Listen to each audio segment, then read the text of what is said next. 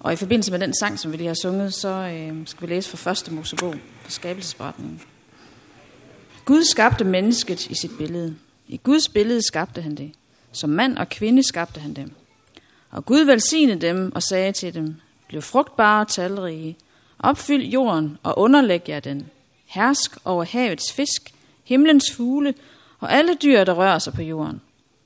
Gud sagde, nu giver jeg jer alle planter, der sætter frø på hele jorden, og alle træer, der bærer frugt med kerne. Dem skal I have til føde. Til alle de vilde dyr og til alle himlens fugle, ja til alt levende, der rører sig på jorden, giver jeg alle grønne planter som føde. Og det skete. Gud så alt, hvad havde han skabt, og han så, hvor godt det var. Så blev det aften, og det blev morgen den sjette dag. Og vi fortsætter med at lytte til evangeliet fra Markus evangeliet kapitel 9, hvor der står, da de kom ned til disciplene, altså ned fra forklarelsens bjerg, så de en stor skare omkring dem og nogle skriftkloge, som diskuterede med dem. Hele skaren blev grebet af ærefrygt, straks de fik øje på Jesus og løb hen for at hilse på ham. Han spurgte dem, hvad er det, I diskuterer med dem? Og en fra skaren svarede ham, Mester, jeg har bragt min søn til dig. Han er besat af en ånd, som gør ham stum. Hvor som helst den overvælder ham, kaster den ham til jorden, og han froder og skærer tænder og bliver helt stiv. Jeg sagde til dine disciple, at de skulle drive den ud, men det kunne de ikke. Der udbrød Jesus, du vantro slægt, hvor længe skal jeg være hos jer? Hvor længe skal jeg holde jer ud? Kom herhen med ham. Så bragte de ham hen til Jesus, men da ånden så ham, rev og slid den straks i drengen, så han faldt om på jorden og lå og frådede og vred sig. Jesus spurgte hans far, hvor længe har han haft det sådan? Han svarede, fra han var barn. Og den har mange gange kastet ham i både ild og vand for at gøre det af med ham. Men hvis du kan gøre noget, så forbarm dig over os og hjælp os. Jesus sagde til ham, hvis du kan, alt er muligt for den, der tror. Straks, straks råbte drengens far, jeg tror, hjælp min vantro. Da Jesus så, at den skare stemlede sammen, truede han af den urene ånd og sagde til den, du stumme og døve ånd, jeg befaler dig, far ud af ham og far aldrig mere ind i ham. Da skreg den og rev og sled i ham og for ud, og han blev som død. Så alle sagde, han død. Men Jesus tog hans hånd og fik ham til at rejse sig op. Da Jesus var kommet inden døre og var alene med sine disciple, spurgte de ham, hvorfor kunne vi ikke drive den ud? Han svarede, den. Han svarede dem, den slags kan kun drives ud ved bøn. Lad os bede sammen.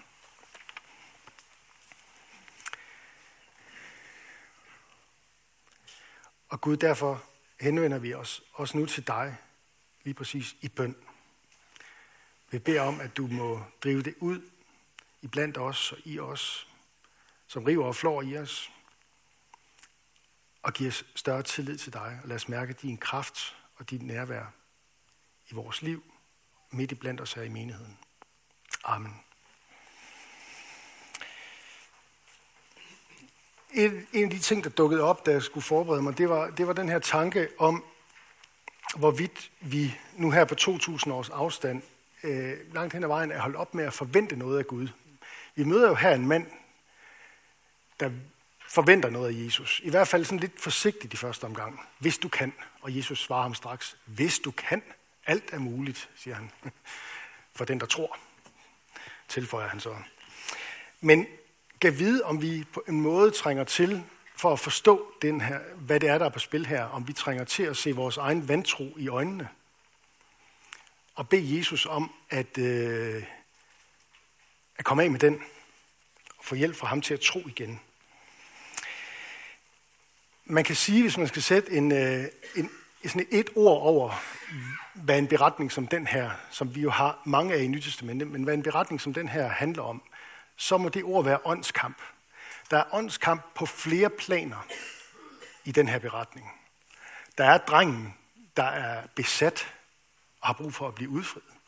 Der er faren, som er fuld af mistillid og vantro, siger han selv. Han har brug for at få tillid og tro. Og så er der disciplene, som lige til sidst får at vide, grunden til, at de ikke rigtig kunne hjælpe, det var, fordi de bad for lidt. Vi møder jo disciplene her. Hvad laver de? De står og diskuterer. Det starter med diskussion for deres vedkommende, og så slutter det med, at Jesus han lige minder dem om, diskussion kan du altså ikke uddrive under ånder ved. der skal bøn til. Så på flere planer er der noget åndskamp i den her beretning. Og det er jo en beretning, som ikke står alene. Vi møder den, vi møder den her slags konfrontationer igen og igen i det nye testamente. Lad os tage faren, der kæmper med mistillid og mangel på tro. Det er en åndskamp. Og ligesom den løsning, der er for hans søn, nemlig at Jesus befaler og rejser ham op og giver ham livet igen. Altså, det der sker, øh, det, der sker med sønnen, den besatte, det er jo sådan set en gentagelse af det, vi lige hørte fra Nytestamentet fra skabelsesberetningen. At Gud han blæser liv og ånde i ham, og så er der et menneske, der bliver rejst op. Det er det, Jesus han gør, det er, at han kommer og nyskaber. Den, han kommer og bringer velsignelse ind over den forbandelse og haven, som djævlen har bragt over jorden og menneskeheden. I mødet med Jesus, der kan man blive befriet fra det. Men det er også det samme, der gør sig gældende i forhold til, til faren. Der møder vi jo hos ham noget, der kæmper i hans hjerte. Øhm, troen og så dens modsætning. Vantroen. Tilliden og dens modsætning. Mistilliden. Det, det, det, det, han rummer begge dele. Og jeg tænker, at der er nok en del af os, der kender til det, ligesom faren, at skulle kæmpe med at tro. Måske kender du til det her med, at du mærker, du, du mærker godt, du kender godt til at mærke vandtroen lurer lige rundt om hjørnet. Som en, som en løve, der er ved at springe på dig ikke? og overmande dig. Jeg tror, at du, kan, at du kan Jesus, og alligevel så er jeg ikke helt sikker på, at miraklet kan ske med mig. Eller med den, jeg elsker. Hvis du har det sådan, så læg mærke til, at Jesus han spørger ikke efter det, som for dig eller for andre kan se ud som en, en enorm stærk tro. Det er jo ikke det, han spørger efter. Lad os lige blive lidt ved det med tro her. Troen, det er ikke noget, som du kan træne og opøve i egen kraft. Ligesom at du kan, og det er blevet meget moderne, at opøve kondition, cardio, og altså, man går til fitness, ikke også? Styrke og kondition, det kan vi opøve, hvis vi er disciplineret nok. Men at tro på Jesus, det er altså ikke det samme som at være et disciplineret menneske. Tænk, hvis den kristne menighed, det var en forsamling af disciplinerede mennesker. Det ville da være skrækkeligt. Det er jo ikke til at kunne være der. Og den kristne menighed er jo noget stik modsat. Ikke også? Det er jo en forsamling af ufuldkommende syndere. Mennesker, der har oplevet, at der er en kraft, der river i mig, jeg har brug for. Noget andet, jeg har brug for, at Gud hjælper mig med de her ting i mit liv, for ikke at gå til grunde, simpelthen. For ikke at gå til grunde. I egne kræfter går jeg til grunde.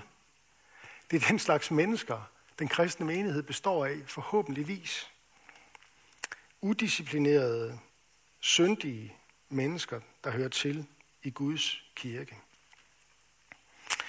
Men hvis ikke troen den vokser frem af disciplin, og det gør den altså ikke, det er ikke ligesom muskler og kondition i fitnesscenteret eller ude på landevejen. Hvor kommer den så fra?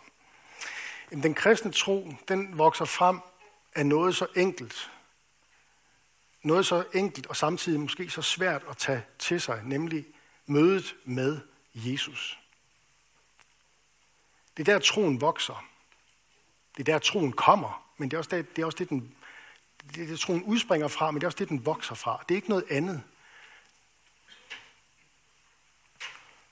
Der er ikke noget mere end det. Der er ikke noget mere end mødet med Jesus, der kan skabe tillid i dit hjerte.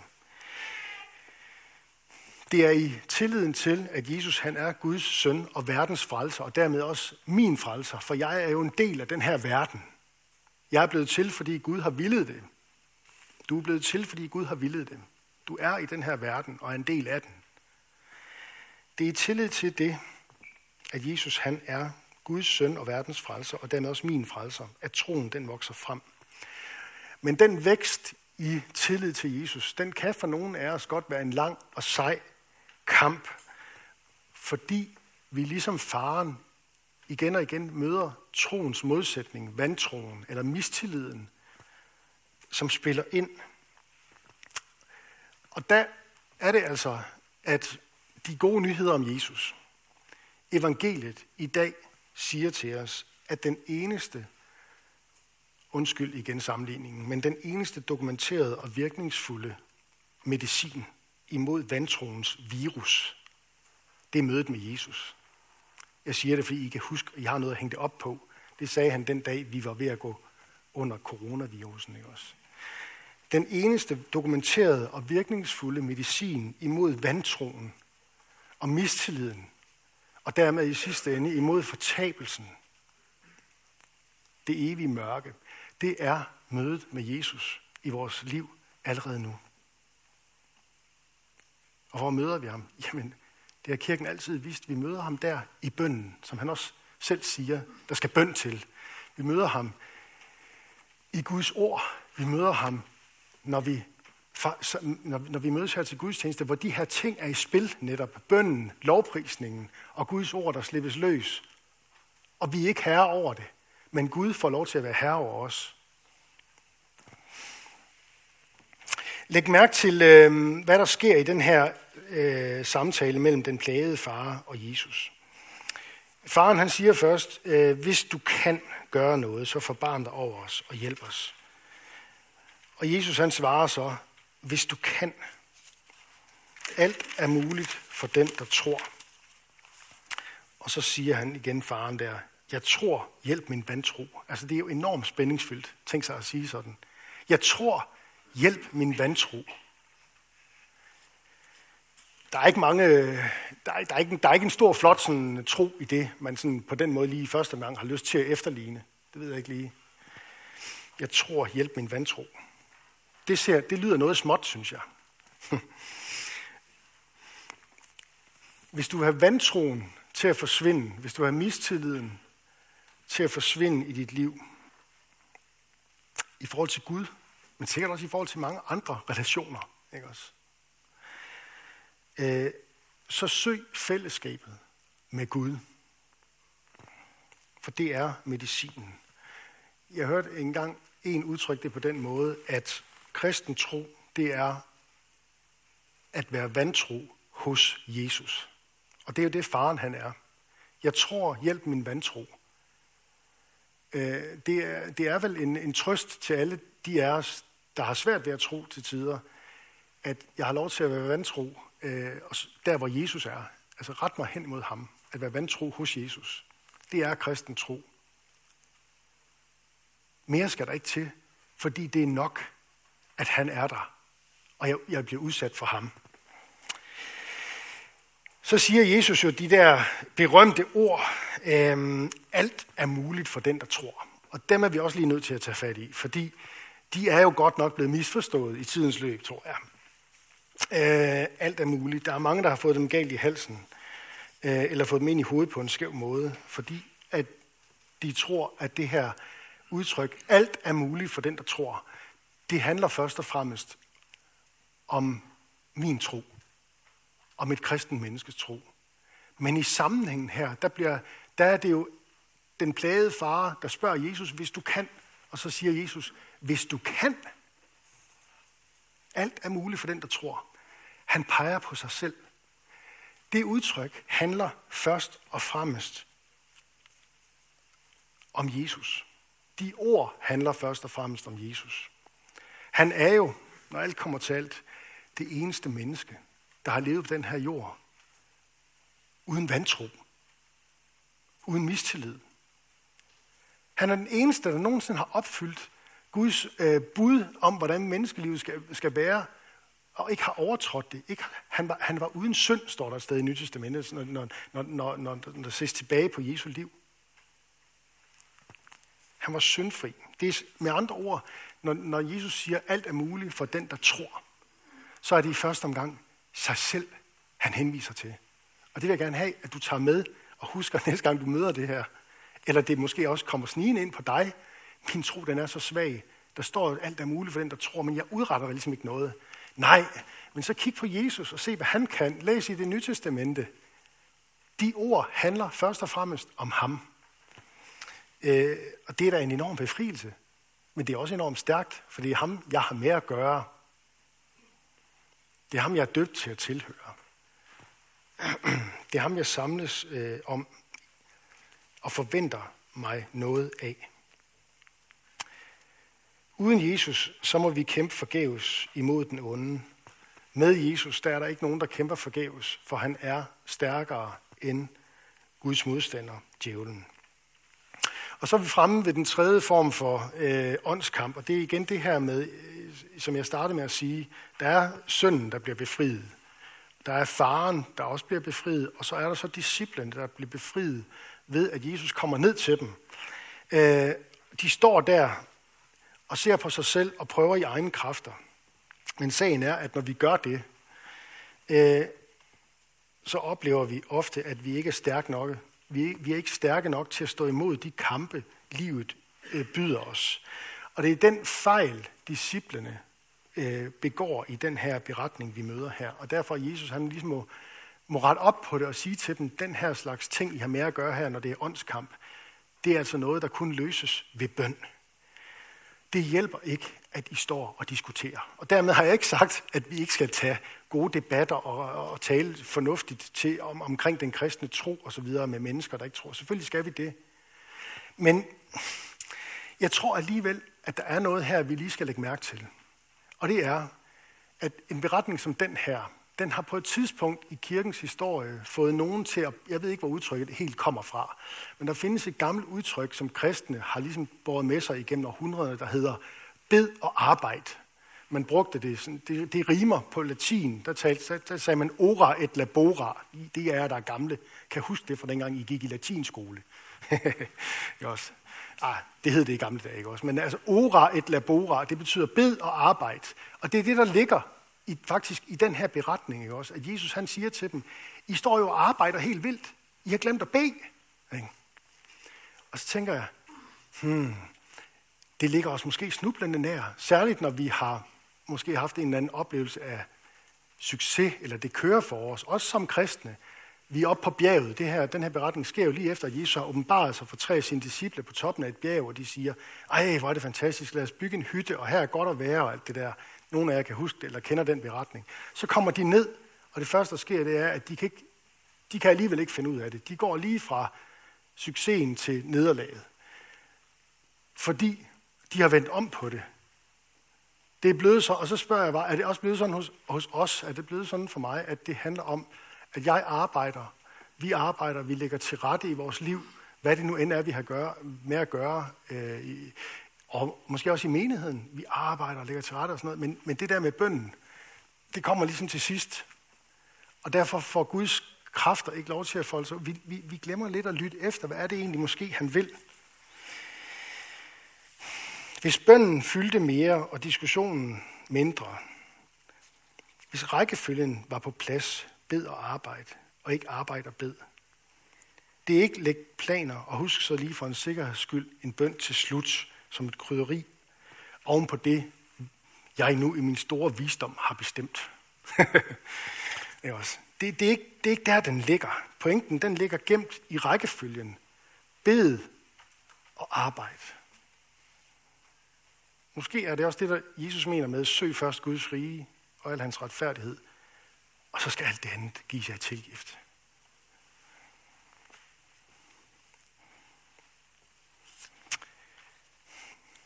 Vi risikerer at gå glip af en befriende erfaring, hvis vi vender om på de her ting. Hvis vi glemmer at bede. Hvis vi ligesom hele tiden er i den der situation som disciplene, hvor det handlede om, at vi kæmper i egen kraft, og øh, diskussionen, der står simpelthen, de diskuterede. Ikke? Det må vi også gerne, men, øh, men, øh, men hvis vi glemmer at bede, så går, så går den ligesom galt. Ikke? Så den her, den her erfaring fra Nytestamentet, hvor Gud han siger til sin menighed, min nåde er der nok, for min magt udøves, min kraft udøves i magtesløshed. Øh, det, er der, det er der, vi skal hen.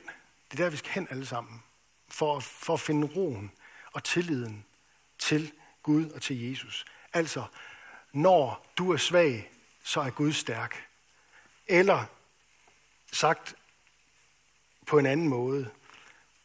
Hvis man skal forklare ud fra det her, hvad de gode nyheder om Jesus er, hvad evangeliet er på kort formel med bare to ord, så er det de her to ord.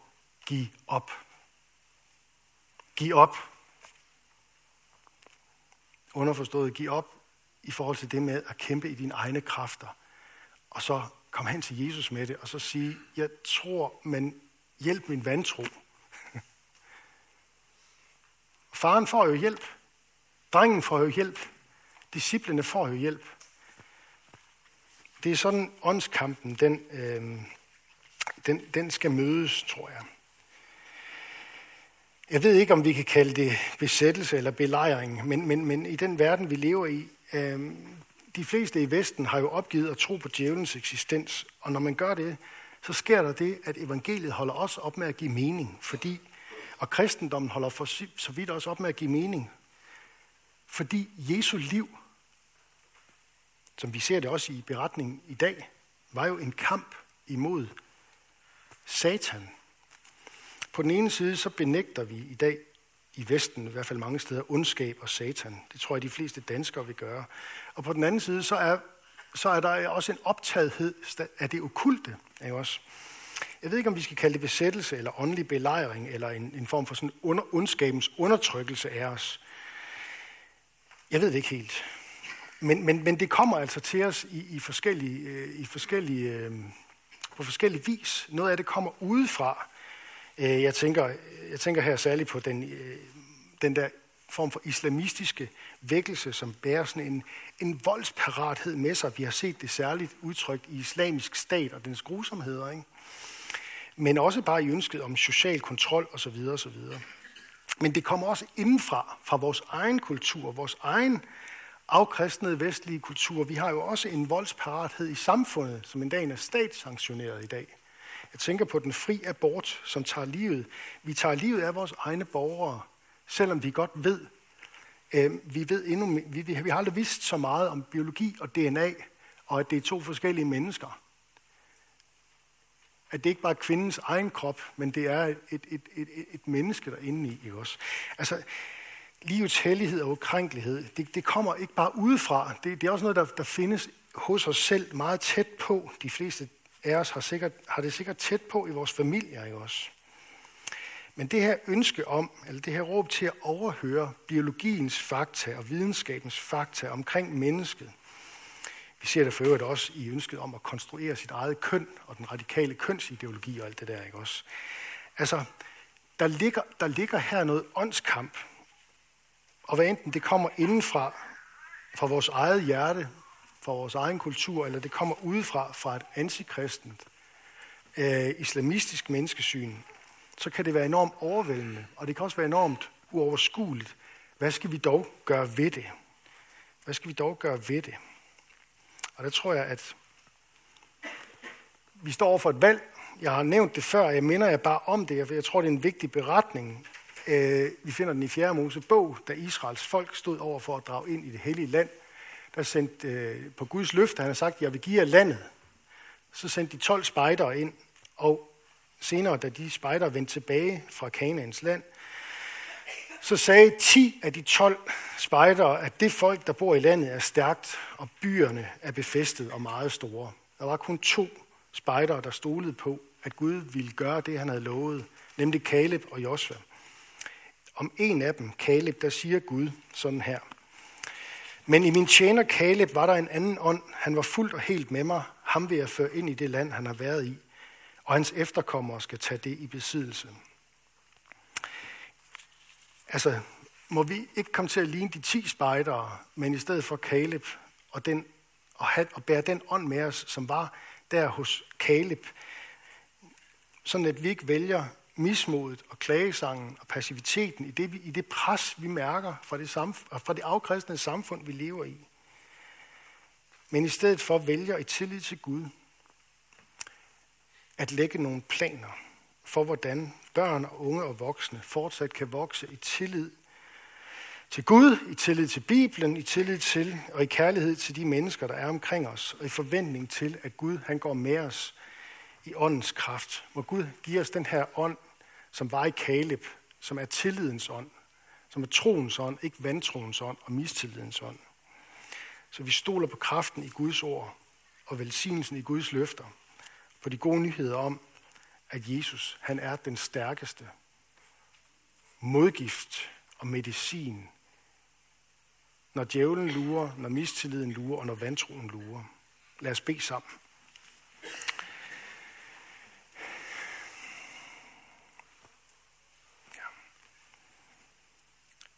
Jesus, vi beder om, at du vil hjælpe os til at være overvågne og på vagt og give os kraft til at, modstå, til at stå imod. Giv os den kraft fra dig til at stå imod og være faste i troen. Velvidende, at alle mulige lidelser rammer din kirke her i verden. Men lad os få lov at se, at netop vi som din menighed kan tåle det, fordi vi ved, at vi lider kun én gang, men vi sejrer evigt. Gud, du er al nådes Gud. Og vi tror, at din kraft kan vokse og udløses af vores afmægtighed. Vi beder om, at du vil udruste og støtte og styrke os i tiden, der kommer. Vi beder for menigheden her, for menighedens børn, både de fødte og de ufødte. Beskærm du dem og lad dem få lov at vokse op i tro på dig. Vi beder for menighedens konfirmander og unge. Lad dem vokse i tillid til dig. Vi beder for ægteskaberne og for de, som lever alene. Giv os din kraft over vores liv og samliv. Vi beder for Skærn by og omegn, at du, Jesus, må blive kendt, troet, elsket og efterfuldt. Vi beder for Niels Jørgen Fogh, menighedens vejleder, velsign ham i hans tjeneste. Vi beder om, at du vil være nær hos alle, der er ramt af sorg, sygdom og lidelse. Giv os mod til at være til stede og visdom til at lindre smerten hos hinanden. Lad os være stille et øjeblik og være sig at bede for et menneske eller en situation, der har brug for Guds hjælp.